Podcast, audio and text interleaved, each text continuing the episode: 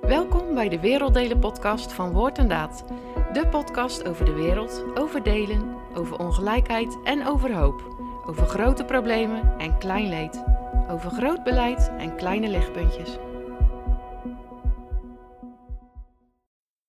Welkom bij de derde aflevering van de Werelddelen podcast van Woord en Daad. Ik ben Rijnke, ik ben marketeer bij Woord en Daad en ik probeer de verhalen van ver weg dichtbij te brengen bij de mensen in Nederland.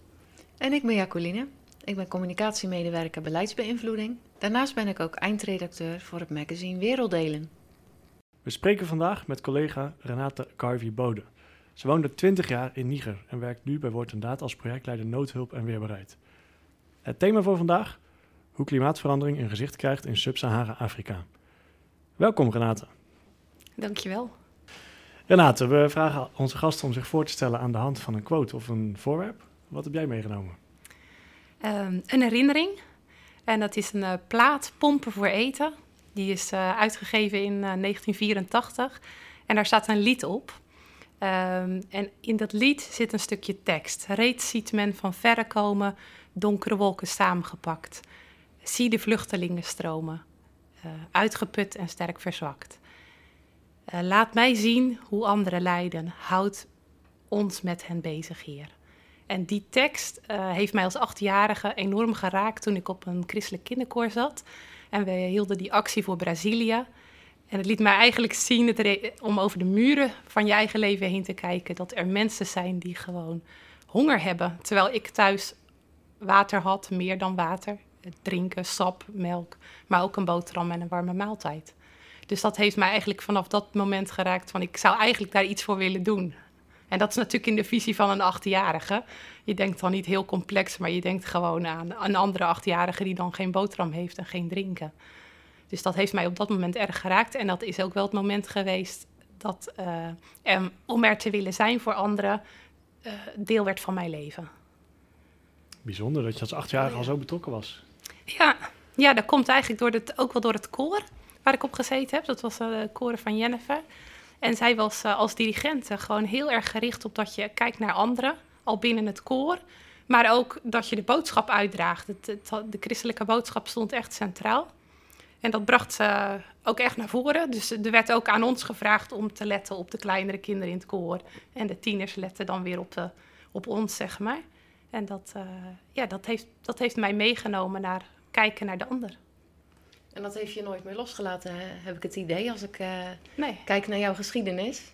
Nee, dat, heeft daar... mij, dat heeft mij nooit meer losgelaten. Nee. Dat is echt een rode draad door mijn hele leven heen. Ja, mooi. Want uh, na de middelbare school ben je tropische bosbouw gaan studeren. Ja, dat klopt. Um, ook in het achterhoofd, uh, in je achterhoofd van dat, met wat je net vertelde? Eigenlijk weet ik dat niet helemaal. Um, ik weet dat ik was iemand die heel veel met plantjes bezig was.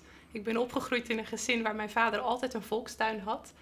En uh, dat was bij mij ook wel merkbaar. Op een gegeven moment stonden de paprika-plantjes en de tomatenplantjes in de vensterbank van mijn uh, slaapkamer. En de, ja, dat was ook gewoon leuk, zeg maar, als acht- of negenjarige. Um, en daar wilde ik wat mee. Maar toen ik ging kijken bij universiteiten, merkte ik dat ja, studies als plantenteelt of biologie gewoon te technisch werd. En dat ik dat stukje mensen toch wel weer miste. Dat stukje sociologische. Wat, wat kan je als mens? Hoe leven wij met elkaar? En dat vond ik wel bij bosbouw. Dus toen heb ik uiteindelijk gekozen om, uh, om daar bosbouw te gaan studeren. En ja, ik denk wel dat het een rol heeft gespeeld op mijn, uh, in, de, in mijn achterhoofd. Maar niet dat het misschien aan de voorkant zo heel duidelijk was. Je doet uh, vrijwilligerswerk. Of tenminste, je doet een aantal stages in het buitenland. Dan, uh, je komt nog een keer terug, je maakt zo'n afweging. Op de duur ga je voor, wat langere tijd naar Niger en dan leer je je man kennen.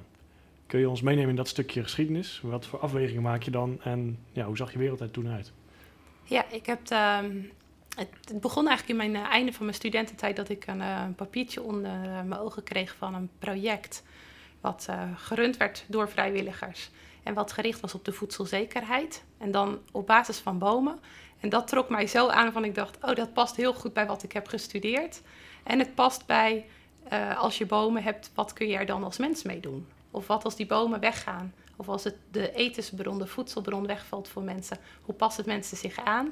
Daar had ik mij in mijn uh, stages mee uh, bezig gehouden.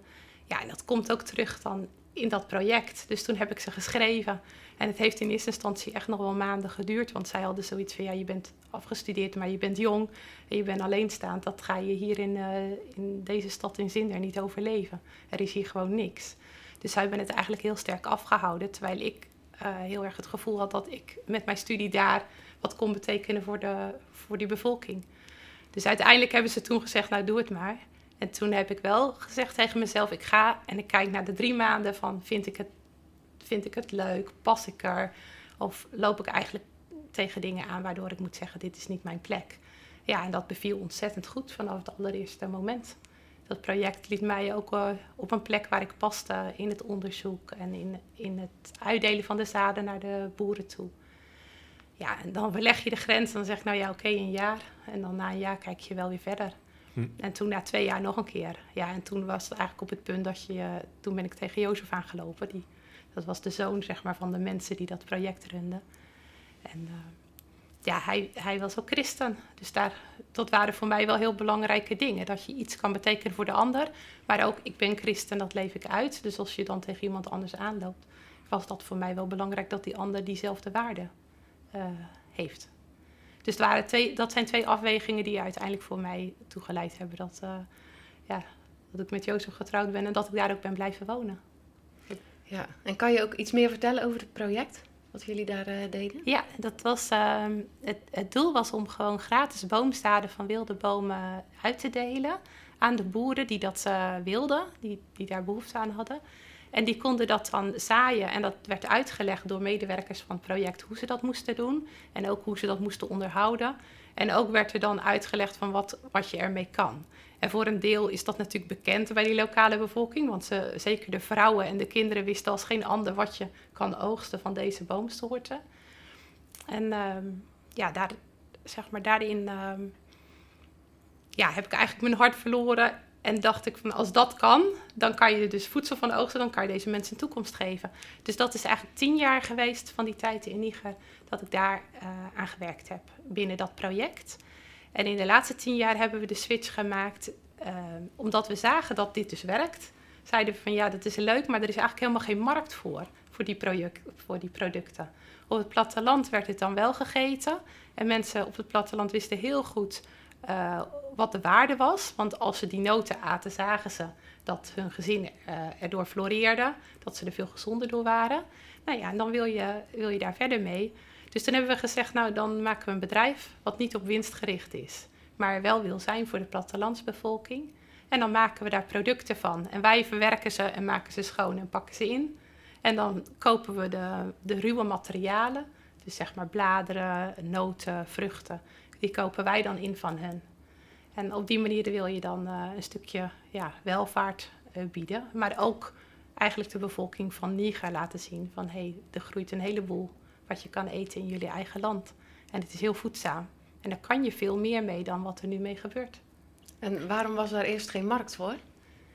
Ja, en voor een deel is het omdat het heel sceptisch is. Uh, groot scepticisme vanuit de mensen in de stad. Van ja, dat is arme voedsel. Die bladeren die ga je niet eten die noten, ja, dat is voor de armen op het platteland, dat is niet voor ons.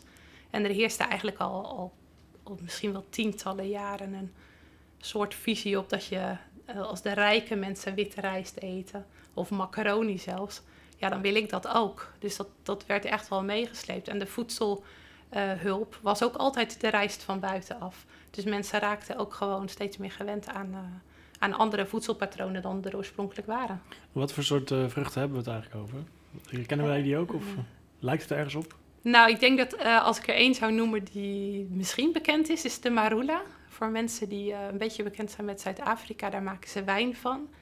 Uh, dat is een gele vrucht die nog redelijk sappig is. Maar ja, voor de rest zijn het vruchten die bekend zijn in Niger, maar niet voor ons, want ze groeien niet hier. Okay. Maar je hebt het over Hansa, zaden, um, Faroe is er eentje. Ja, ik, ik kan wel een heleboel Latijnse namen noemen, maar het gaat vooral om vruchten en bladeren en het is wel vergelijkbaar met, uh, wij eten onze appels, onze pruimen, onze kersen. Alleen wat je ziet is dat het in Niger de vruchten veel droger zijn en veel kleiner. Omdat het allemaal soorten zijn die aangepast zijn aan die enorme droogte. Ik denk snel een beetje aan dadels of zo. Maar, ja. ja, en dadels is dan wel iets wat uh, je vindt het in de oases, maar dat groeide niet echt in het gebied waar wij uh, ah, nee, okay. woonden. duidelijk Ik vind- geen expert. ja. Nee, maar als je tegenwoordig een bomenplantproject hebt, dan is het meestal iets met klimaat of iets met vergroenen of eh, verwoestijning tegengaan. En eigenlijk zeg jij van ja, wij deden het vooral voor de voedselzekerheid in zo'n gebied. Kan dat ook nog een interessante match zijn voor de toekomst misschien? Dat als we toch een miljoen bomen, bomen gaan planten bijvoorbeeld ergens, eh, laten we dan ook maar de vruchten ervan eten. Ik denk dat dat ook, eh, dat was eigenlijk wel de, bijna de hoofdmoot van onze insteek. Wij zeiden van de mensen kappen het vaak voor brandhout. En als je genoeg bomen hebt, en ze ook wel, wij, wij planten ze niet, we zaaien ze. Als je ze genoeg zaait en je laat ze opkomen, dan is er gewoon genoeg om ook wel eh, brandhout te hebben.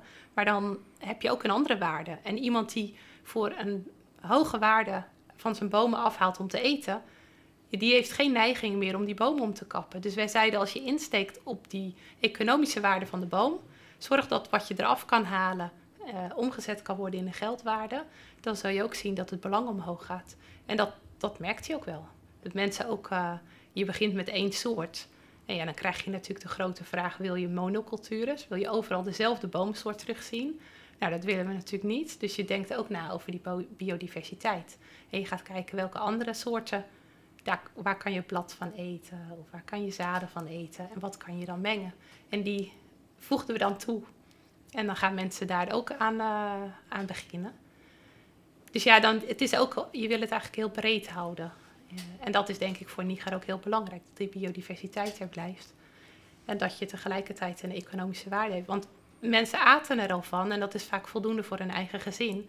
Maar je ziet dat als mensen er echt energie en tijd in gaan steken, wordt die opbrengst veel groter. Ja, daar wil je niet dat mensen dan mee blijven zitten. Nee. Want dan, ja, dan raakt die motivatie ook weg. Dus het, ik denk dat dat een belangrijke combinatie is om een economische waarde aan die bomen te geven. Te zorgen dat je daar dat het verschillende functies heeft en dat mensen dat ook gaan zien. Ja, en nog even terugkomend op eh verwoestijning. Zag je dat ook echt gebeuren in Niger? Er zijn er ook echt eh, Ja. gebieden waar het... eh, Ja, je ziet, ja. er, zijn, er waren echt gebieden waarin, je, waarin het kappen van het brandhout veel groter was. En, en ook als dat proces eenmaal begint, dan heb je nadelige effecten die dan ook tegenwerken. Als je met bomen kappen begint, raak je de wortels in de grond kwijt. En die wind die daar waait, ja, het is er 40 graden om en nabij. Dat is heel heet. Dat haalt dan ook de vruchtbare bodemlaag weg. Dus je ziet dan het effect gaat op de akkers, op de, op de graanoogst. Je ziet ook dat eh het grondwaterpeil in gebieden ging zakken. En mensen zeiden het ook toen wij jonger waren, stonden hier veel meer bomen. Maar de, de hoeveelheid regen was groter. Het, het viel veel regelmatiger. Daar hoor je wel echt opmerkingen ook van de lokale bevolking. En dan vooral voor die die dan toch nog een stukje ouder zijn. is dat Dat, nog eh, tegen te houden, dat proces? Of om Ik te keren zelfs. Om te keren, Ja, dat, ik denk het wel. Maar je moet het wel echt willen. Want het, het- je moet er echt wat voor doen. Je moet echt actief worden. Dat gaat niet vanzelf. Als het eenmaal proces eh, eenmaal vrij spel heeft, dan kost dat ontzettend veel om, eh, om, ja, om dat weer terug te brengen. Zaaien, dan moet je dus vanaf het begin een zaadje in de grond. En dat gaat natuurlijk langzaam. Die boom die je omhakt, die heeft daar tientallen of zelfs honderden jaren gestaan. En die heeft in de grond een enorme functie gehad aan, aan bodemstructuur, aan het doorlaten van water. Als je dat opnieuw moet beginnen. Heel je microklimaat is weg. Eh, Mensen hebben geen schaduw meer. Dus dat, ik, dit kan wel, maar je moet dus echt actief... eh, dat mensen beseffen wat de reden is waarom je dat doet. En dat ze daar dan dus ook op inzetten. Ja, en het is iets van een lange adem. Het is iets van een lange adem, ja. Ja. ja. en daarin denk ik ook dat het belangrijk is dat mensen dus aan de voorkant zien... dat je die bomen dus niet meer ongebreideld moet kappen. Dus je moet, je moet daarover nadenken. En dat is natuurlijk heel makkelijk gezegd. Want als je eten wil koken, ja, bij ons dan doe je de elektrische kookplaat aan. Of het gasfornuis. Ja, die mensen die hebben als ze iets warm willen krijgen, hout nodig. Want iets anders is er niet. Ja, dat is dan eigenlijk een soort eerste levensbehoefte. En dan is het lastiger om na te denken over de gevolgen van de, de houtkap natuurlijk. Zullen we een sprongetje maken? Je bent eh, terug in Nederland. Eh, sinds een jaar ongeveer, of nog korter zelfs. Vorig jaar april. Ja, hoe is het om, eh, om terug te zijn na zoveel eh, tijd in Niger? Ja, ehm, aan de ene kant soms periodes met heimwee. Naar, ja, naar die plek waar je ook gewoon thuis was. En aan de andere kant eh, ja, kom je hier ook wel weer in en kun je hier ook eh, dingen doen die goed zijn. Merk je wel zeg maar, dat je ook weer aanknoopt bij, ehm, ja, je kennis van toen je nog uh, 24 was, zeg maar. De eerste 24 jaar heb ik hier natuurlijk toch gewoond. Dus die basis is er wel. Ja, tegelijkertijd is er ook heel veel veranderd. Ik loop nog steeds tegen problemen aan dat als de supermarkt in loopt, ook nog steeds niet weet uh, als ik een toetje moet kiezen. Kom ik heel makkelijk bij gewone yoghurt uit. Want alle variaties, daar heb ik niks mee. en dat is ook moeilijk om uit te kiezen. Gewoon keuzes. Te veel keuzes. ja. ja, te veel keuzes. En dat is natuurlijk maar een voorbeeld. Er zijn er veel meer. Ja. Maar we leven nog erg uh, naar hoe het in Niger was. Waarin je gewoon niet gebruik maakt van die enorme keuzes. Hmm. Je bent bij Woord inderdaad aan de slag gegaan als projectleider noodhulp en weerbaarheid. Kun je daar iets over vertellen? Ja, die, uh, dat kwam eigenlijk heel onverwacht. En ik heb uh, vanuit mijn achtergrond dus ook eigenlijk nooit met noodhulp puur gewerkt. Uh, sterker nog, ik ben er eigenlijk ook van overtuigd dat als je inzet op de lange termijn, uiteindelijk die noodhulp misschien niet nodig zou zijn. Maar ik vind het daarom eigenlijk wel een leuke combinatie. En ik merk dat dat ook echt wel veel meer zo is dan ik eigenlijk had verwacht. Want ik dacht eigenlijk dat het niet minder bij mij zou passen. Maar je ziet eigenlijk dat uh, in de noodhulp, als je een ramp gebeurd is, ja, mensen hebben water nodig en eten nodig. Ja, dit wil je ze niet onthouden. Als mij vandaag iets overkomt, dan wil je ook je handen uitstrekken naar die ander. En hoop je ook dat die ander zegt, uh, hier heb je een glas water en hier heb je een bord eten. En van daaruit kijk je verder. Dus die noodhulp, daar, daar kan je in situaties van rampen niet omheen. Maar wat mij dan vooral aantrekt, is om juist dan al te kijken uh, waar die mensen dat zelf niet kunnen. Maar ik wel met hun kan kijken van hé, hey, en wat zou je op de lange termijn nodig hebben om misschien als er nog een keer zo'n ramp gebeurt, anders te kunnen reageren. Of misschien wel mogelijkheden te hebben waardoor je zelf veel sterker staat. En dat is een van de mooie dingen, vind ik, van mijn functie nu bij, uh, bij Wortendaad. Dat je strategisch al nadenkt bij een ramp. Van hé, hey, wat hebben deze mensen nodig? Wat vinden zij zelf? Wat, hoe kunnen zij creatief nadenken over, nou ja, misschien heb ik dit nodig als er weer een droogte komt. Of, of als er weer een orkaan komt. Of als er weer een aardbeving komt. Precies, dat is juist de combinatie die het zo sterk maakt, denk ik. Om uh, noodhulp te bieden, maar ook vooruit te kijken op, uh, ja. op de toekomst. Nou, je kan soms gewoon echt niet om noodhulp heen. En iemand die gewoon net een ramp heeft meegemaakt, is, is vaak ook getraumatiseerd. Dus die kan ook op dat moment niet nadenken over uh, oplossingen op lange termijn. Dan is het, ben je in een soort overlevingsfase en daarin help je mensen ook naar, naar, die, naar die situatie. Maar dan uh, is het wel, ja, vanuit, zeg maar, vanuit woord en daad kunnen we wel verder kijken. Van welke actoren zijn daar normaal in dat gebied? En hoe kunnen wij met elkaar wel nadenken over mogelijkheden die er zijn om het, om het anders te doen voor de toekomst? En wat voor soort uh, interventies kun je dan in zo'n situatie al doen die op lange termijn effect hebben? Um, nou, ik heb daar nog niet heel veel voorbeelden van, maar recentelijk uh, uh, werken we met een noodhulpproject in Tigray in Ethiopië. Uh, waar natuurlijk ontzettend veel leed is gebeurd en nog steeds gebeurt. En daar gaan we noodhulp verlenen en daar maken we dus gebruik van structuren die al bestonden in het project wat, waar we mee bezig waren. En dan mensen met kennis van watersystemen, uh, van het slaan van waterputten of waterbronnen, van, van pompen die worden nu wel gebruikt om uh, de noodhulp te verlenen en om dus de watervoorziening weer op gang te brengen. Het even voor de luisteraars die niet op de hoogte zijn. Hè? Uh, Ethiopië hadden we een project.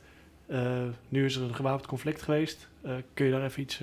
iets ja, nou, er, er is een project geweest waarin er gekeken wordt naar de, naar de watervoorziening zeg maar, op de lange termijn. Die mensen gewoon zelf kunnen runnen en onderhouden en waar zij zelf verantwoordelijk voor zijn. En ik uh, als ik het goed heb, is het ongeveer een jaar of zeven dat wordt inderdaad daar werkzaam is. En dat zijn structuren en, en projecten op de lange termijn die ervoor moeten zorgen dat mensen dat uiteindelijk zelf gaan doen. En door de burgeroorlog is er ontzettend veel kapot gemaakt. Nou, nu het gebied een heel klein beetje open gaat, proberen we dan toch alweer aan te knopen bij die structuren die er door het project uh, zijn opgezet. Aan te knopen bij de mensen die er, die er zijn. En die dus kennis hebben van die, van die boorsystemen, van de, van de manieren waarop je zo'n uh, waterbron onderhoudt en waterleidingen. En, uh, en die gebruiken we dus nu als we de watervoorziening willen herstellen, om, dat, om dat herstelwerk te doen. Dus daarmee geef je, ga je eigenlijk toch weer terug naar de baan die je, die je aan het creëren was voor deze mensen. Ja, en loopt dat wel? Want ik kan me voorstellen dat die mensen daar ook getraumatiseerd zijn door alles wat er gebeurd is. Want de beelden ja. die we tot ons krijgen, die, die zijn echt uh, afschrikwekkend. Ja, nou ja, of kijk, van tevoren weet je, weet je nooit zeker of dat natuurlijk helemaal gaat werken. Dat is, uh, denk ik, een stukje dromen, een stukje verlangen dat je daar eh, iets mag creëren wat uh, ten goede komt van deze mensen.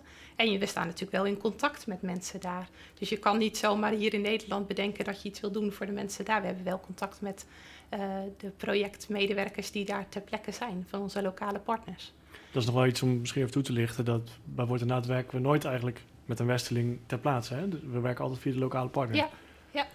Dus deze lokale partners spelen dus ook een rol in deze noodhulp. Ja. En het, uh, zij weten uiteindelijk het beste wat er nodig is. Ja, ja en zij zijn ook betrokken bij het, uh, bij het identificeren welke nood, welke behoefte er nu ter plekke is. Want dat is natuurlijk wel anders dan toen we nog in het uh, eiwitproject bezig waren. Ja, precies. En ehm, waarom past het inzetten op weerbaarheid bij Woord en Daad? Kan je daar iets over vertellen? Ja, ik denk dat uh, bij woord en daad we gericht zijn zeg maar, op het verbinden van mensen. En ook op uh, ja, een betere levensstandaard maken voor gemeenschappen. Dus dat is niet gericht op uh, één persoon. En zelfs ook niet op één huishouden, maar op hele dorpen en op regio's. Ja, en dat haakt wel terug, denk ik, aan de, aan de visie van waaruit woord en daad werkt. vanuit de Bijbelse visie, dat God ons geschapen heeft. En hij heeft ook ons de opdracht gegeven om voor deze wereld te zorgen. Dat betekent niet dat we alleen maar voor onze eigen hachie zorgen, om het maar even zo uit te drukken. En niet voor ons, alleen ons eigen huis of ons eigen gezin, maar ook voor de buurman en voor de mensen in het dorp. En ik denk dat dat uh, bij weerbaarheid een belangrijke rol speelt. Want het gaat er eigenlijk om van zijn, zijn we als gemeenschap bestand als er iets gebeurt, als iets ons overkomt. En dat is in Nederland natuurlijk ook zo geweest als je kijkt naar de watersnoodramp die we gehad hebben daar hebben de, de mensen in Zeeland het ook niet uh, ieder voor zich gedaan. Je had elkaar nodig om daaruit te komen en, en om het weer op te bouwen. Dus dat is eigenlijk bij weerbaarheid ook zo. Je moet kijken van hoe kun je mensen aan elkaar verbinden. En wat kan de een goed en wat kan de ander goed. En hoe kun je dat bij elkaar brengen, zodat er een, een gemeenschap ontstaat die gewoon sterker eruit komt. En daarom zijn die lokale partners ook zo belangrijk. Ja, ja, die spelen daarin een cruciale rol. En ook met, uiteraard ook met de lokale bevolking. Je moet, het, moet echt een, uh, ja, het moet echt een samen, samenwerking worden waarbij ieder zijn deel doet, zeg maar. En dat kan niet zonder de lokale bevolking. Als de lokale bevolking dit krijgt voorgeschoteld, maar ze staan er zelf niet achter, dan zal het nooit van de grond komen. Nee. Hm. Jij noemt net um, het duurzaam verhogen van die levensstandaard. Hè? Kun je daar een voorbeeld van geven van hoe zit een gezin erbij, nou ja, in een verwoestijnd gebied bijvoorbeeld? En wat, wat voor interventie kun je dan doen en wat heeft dat dan voor gevolgen uiteindelijk? Voor zo'n gezin bijvoorbeeld, gaan dan de kinderen ineens naar school? Wat, wat voor soort eh, gevolgen kan dat hebben? Ja, nou, het is misschien wel leuk om dan uh, aan te haken op een, een, project waar ik verantwoordelijk voor ben. En dat is dat project uh, drinkwatervoorziening in het gebied in Shala. Dat is ook in Ethiopië, maar een stuk ten zuiden van Addis Abeba. Um, daar zit ontzettend veel fluoride in het oppervlaktewater. En mensen moeten of heel ver lopen om te voorzien in drinkwater. Of ze nemen die moeite niet en halen hun drinkwater toch uit die open meertjes. Ja, die open meren hebben dan naast een hoog fluoridegehalte ook nog dat het vee er gewoon drinkt. Ja. En wat is er kwalijk aan fluoride in het water? Ja, fluoride, als, dat, als je daar een hele hoge gehalte van binnenkrijgt als mens, dan, dan kan je daar ziek van worden. En dan krijg je ook uh, uh, bijvoorbeeld dat vrouwen miskramen krijgen, Oef, kinderen ja. ziek worden. Um, en dan zie je natuurlijk wel dat mensen ontzettend veel tijd van hun dag kwijt zijn aan alleen maar drinkwater vinden. Iemand uit dat gebied zei van ja, wij, wij gaan ons niet uh, wassen met water, want water is als melk. Uh, zo, zo luxe is dat, zeg maar. Daar gebruik je dat niet eens voor. Nou, als je dat trekt naar iemand in Nederland, ik denk niet dat we daarover nadenken als we ons de douchekraan Mm. opendraaien. Nee, zulke uitspraken zul je in Nederland niet horen, nee. En waarom wonen mensen daar? Vraag ik me dan ook wel eens af. Ik denk, ja, je kan toch ook bij een uh, waterput gaan wonen? Ja. Of is het niet zo makkelijk? Ja, ja ik, ik weet niet. Ik denk dat als je heel lang op dezelfde plek uh, woont, ik weet niet hoe dat voor jou is, maar ja, dan ga je misschien toch niet heel snel weg. Je pakt niet heel snel gewoon je hele huishouden op en vertrekt. Uh, daar, daar, moet je dan wel echt uh, grondige redenen voor hebben. Ja, ze leven daar misschien ook echt in een gemeenschap. Dus dan Ja. zou de hele gemeenschap verplaatst moeten Ja. worden. En dat, eh, Ja. dat gebeurt misschien ook niet zo snel. Nou, dat, nee, dat denk ik niet. Ik, ik heb er één voorbeeld van gehoord bij een project binnen Woord en Daad waarin een dorp verhuisd is. Maar dat is natuurlijk dan dat die gemeenschap daar helemaal ook achter staat om te verhuizen. En het was niet heel ver, maar het was duidelijk dat dat wel eh, met het oog op het water, dus dat is een heel ander verhaal, dat is op de Filipijnen, uh, daarvoor gekozen is. En ik, ja, inshallah, dat is echt een gemeenschap met een uh, heleboel dorpen. Dat pak je niet even op en dat verplaats je ergens anders heen. Nee, is misschien ook makkelijk praten zo, maar... Ja. ja. Nou, maar dit, je gaat kijken zeg maar, naar oplossingen met de lokale bevolking, maar die ook wel uh, mogelijk zijn voor het gebied daar. Dus uh, hier is uiteindelijk gekozen om water te halen uit een uh, gebied wat er wat verder weg ligt, waar je geboord is naar een bron. En het idee is dus om door de aanleg van een waterleidingnetwerk schoon drinkwater te brengen naar dit gebied. En een stukje van het netwerk ligt er al, maar we willen eigenlijk nog verder naar de dorpen die helemaal geen aansluiting hierop hebben. Dus er zal een heel aantal uh, kilometers uh, waterleiding moeten worden aangelegd. En uh, ja, als je dat hebt, dan krijg je wel de mogelijkheid ook kinderen die langer naar school gaan. Ehm, want als het drinkwater nu op is waarmee ze naar school gaan, ja, dan gaan de kinderen gewoon terug naar hun huis.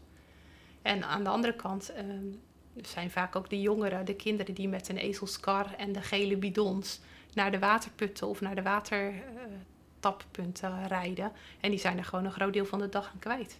Dus het heeft invloed op, he op hele families, zeg maar, ja. zelfs de kinderen. Ja, en op de tijd die je ook kunt besteden. Dus om, uh, om misschien uh, iets te verbouwen of, of een ander soort werk te hebben... waardoor je wat kan verdienen en in, in je levensonderhoud kan voorzien. Dat is echt de basis van alles, hè? Ja. ja. Het heeft dus zelfs effect op kinderen uh, dat die minder naar school kunnen gaan. Ja, het heeft effect op onderwijs in ieder geval heel duidelijk in uh, inshallah.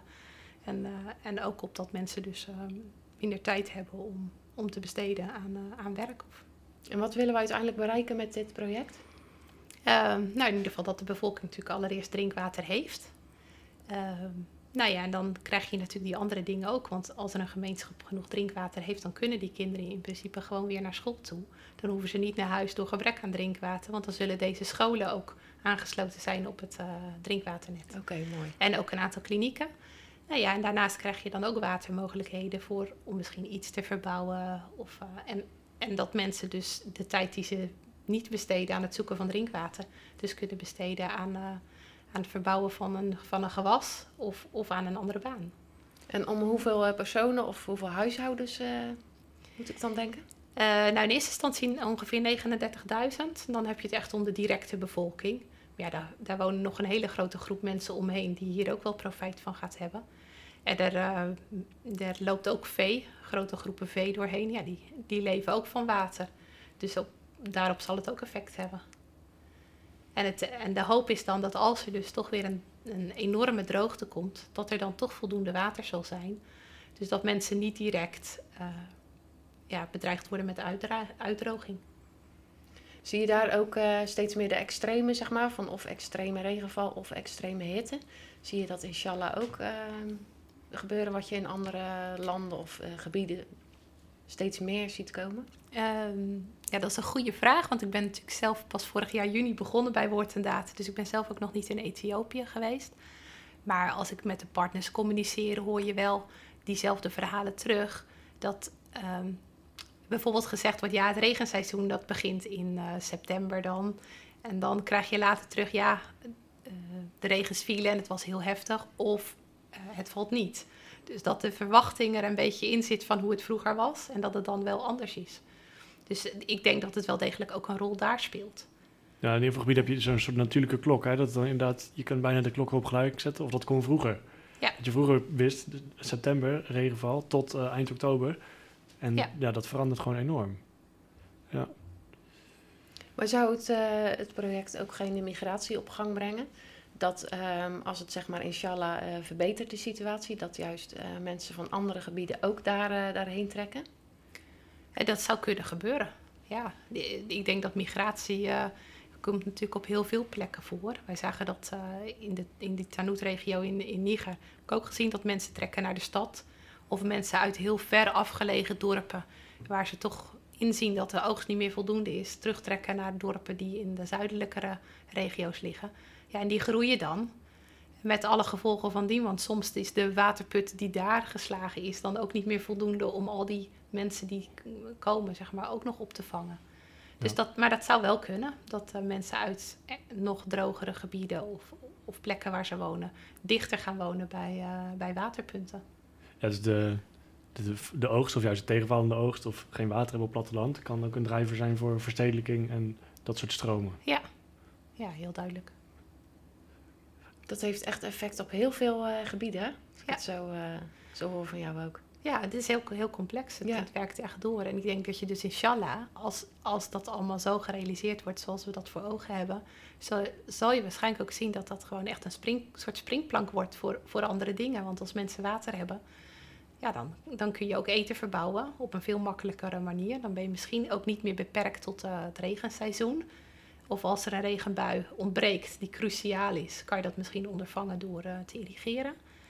Ja, dat zijn wel, dat zijn wel dingen die eh, effect hebben eigenlijk op het hele leven. Klopt, ja. Op onderwijs, op het hele leven, op eh, tegengaan van verstedelijking, tegengaan van migratie. Ja. Dus het is een heel, heel mooi project dit. Ja, en ik denk dat je daarom dus ook dat het belangrijk is dat je werkt aan die weerbaarheid als gemeenschap, waarbij mensen dus actief meedenken en zelf ook durven dromen over hun eigen gebied. Van wat kunnen we hier en hoe kunnen we het met elkaar aanpakken. Ja, en daar spelen natuurlijk ook dingen als vertrouwen. Van ver- vertrouw je dan de anderen in het dorp of de, of de mensen uit het dorp verderop eh, in, in de aanpak? Want je kunt het met elkaar bedenken. Dus het, het is soms wel ook hele grote processen in en het is ook niet iets wat je op de korte termijn zomaar even voor elkaar krijgt. Het zijn ook projecten die dan over meerdere jaren lopen en waar je met elkaar eh, mee moet lopen en moet communiceren Ja. over ja, wat goed gaat en wat verkeerd gaat en hoe je dat lokaal kan opvangen. Ja, die duurzame verandering kost gewoon veel tijd. Het eigenlijk. kost heel veel tijd. Ja. Ja. het, het is leuk, je kan natuurlijk een waterleidingnetwerk aanleggen, inshallah.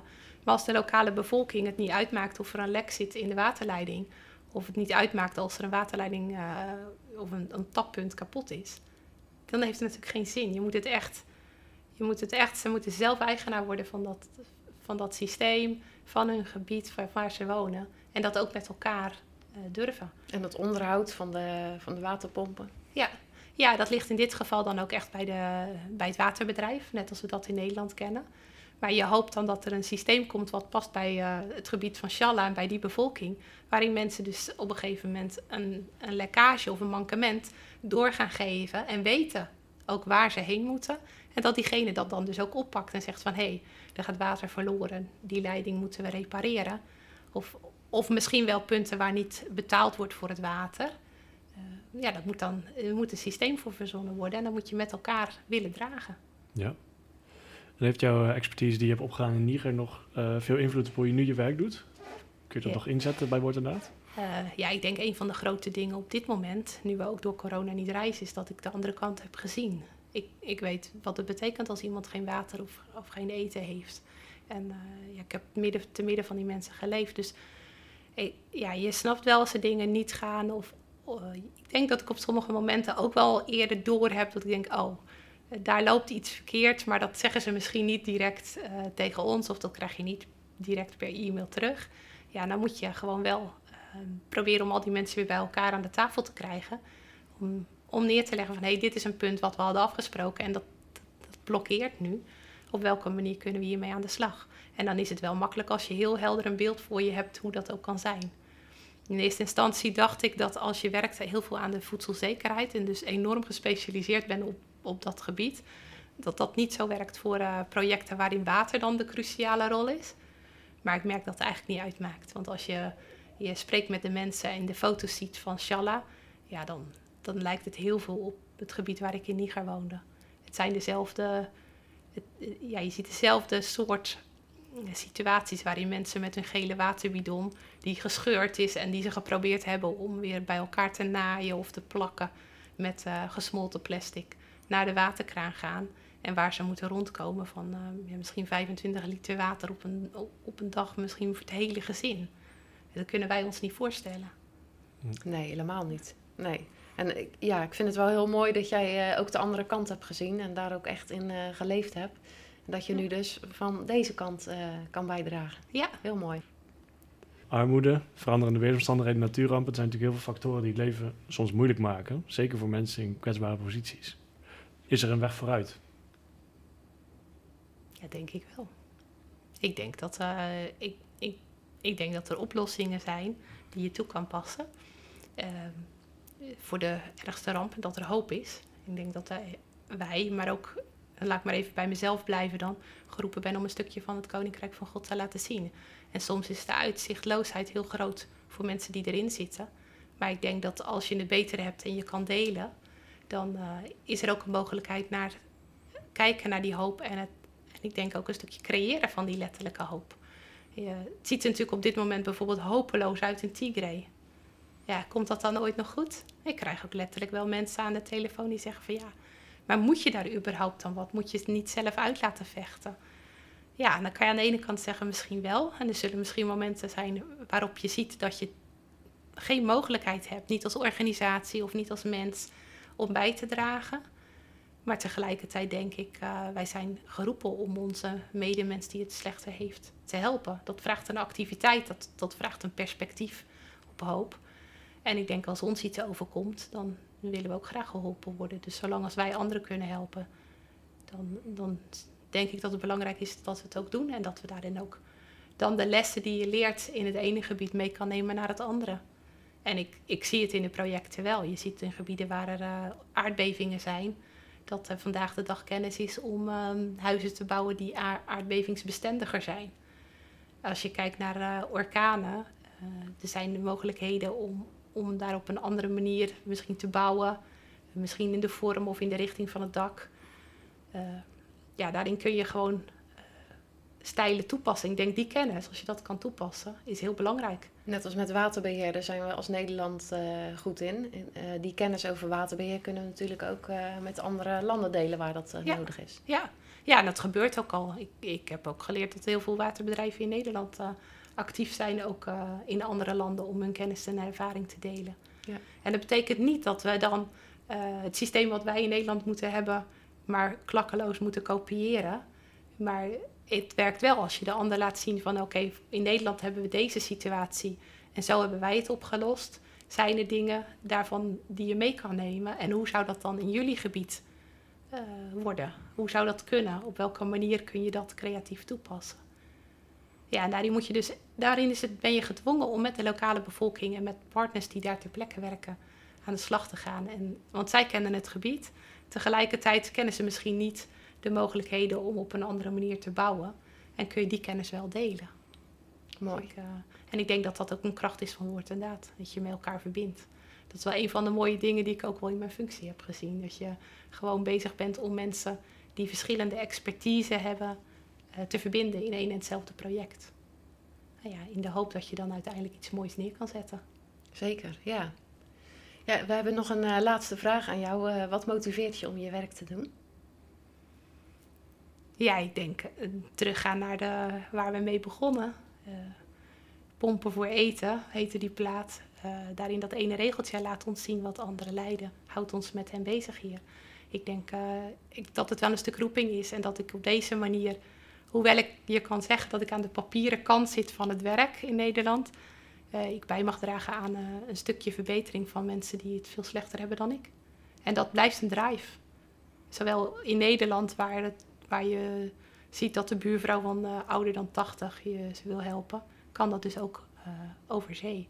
En ik, ik merk dat uh, het stukje kennis wat ik heb, wil ik graag delen. En dat kan op deze plek. Dus zolang als dat mogelijk is, vind ik dat mooi.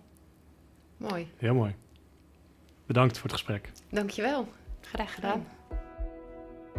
Bedankt dat je luisterde naar deze podcast. Heb je vragen of suggesties voor de volgende aflevering? Neem contact op via podcast.woordendaad.nl. Over twee weken zijn we er weer. Tot dan!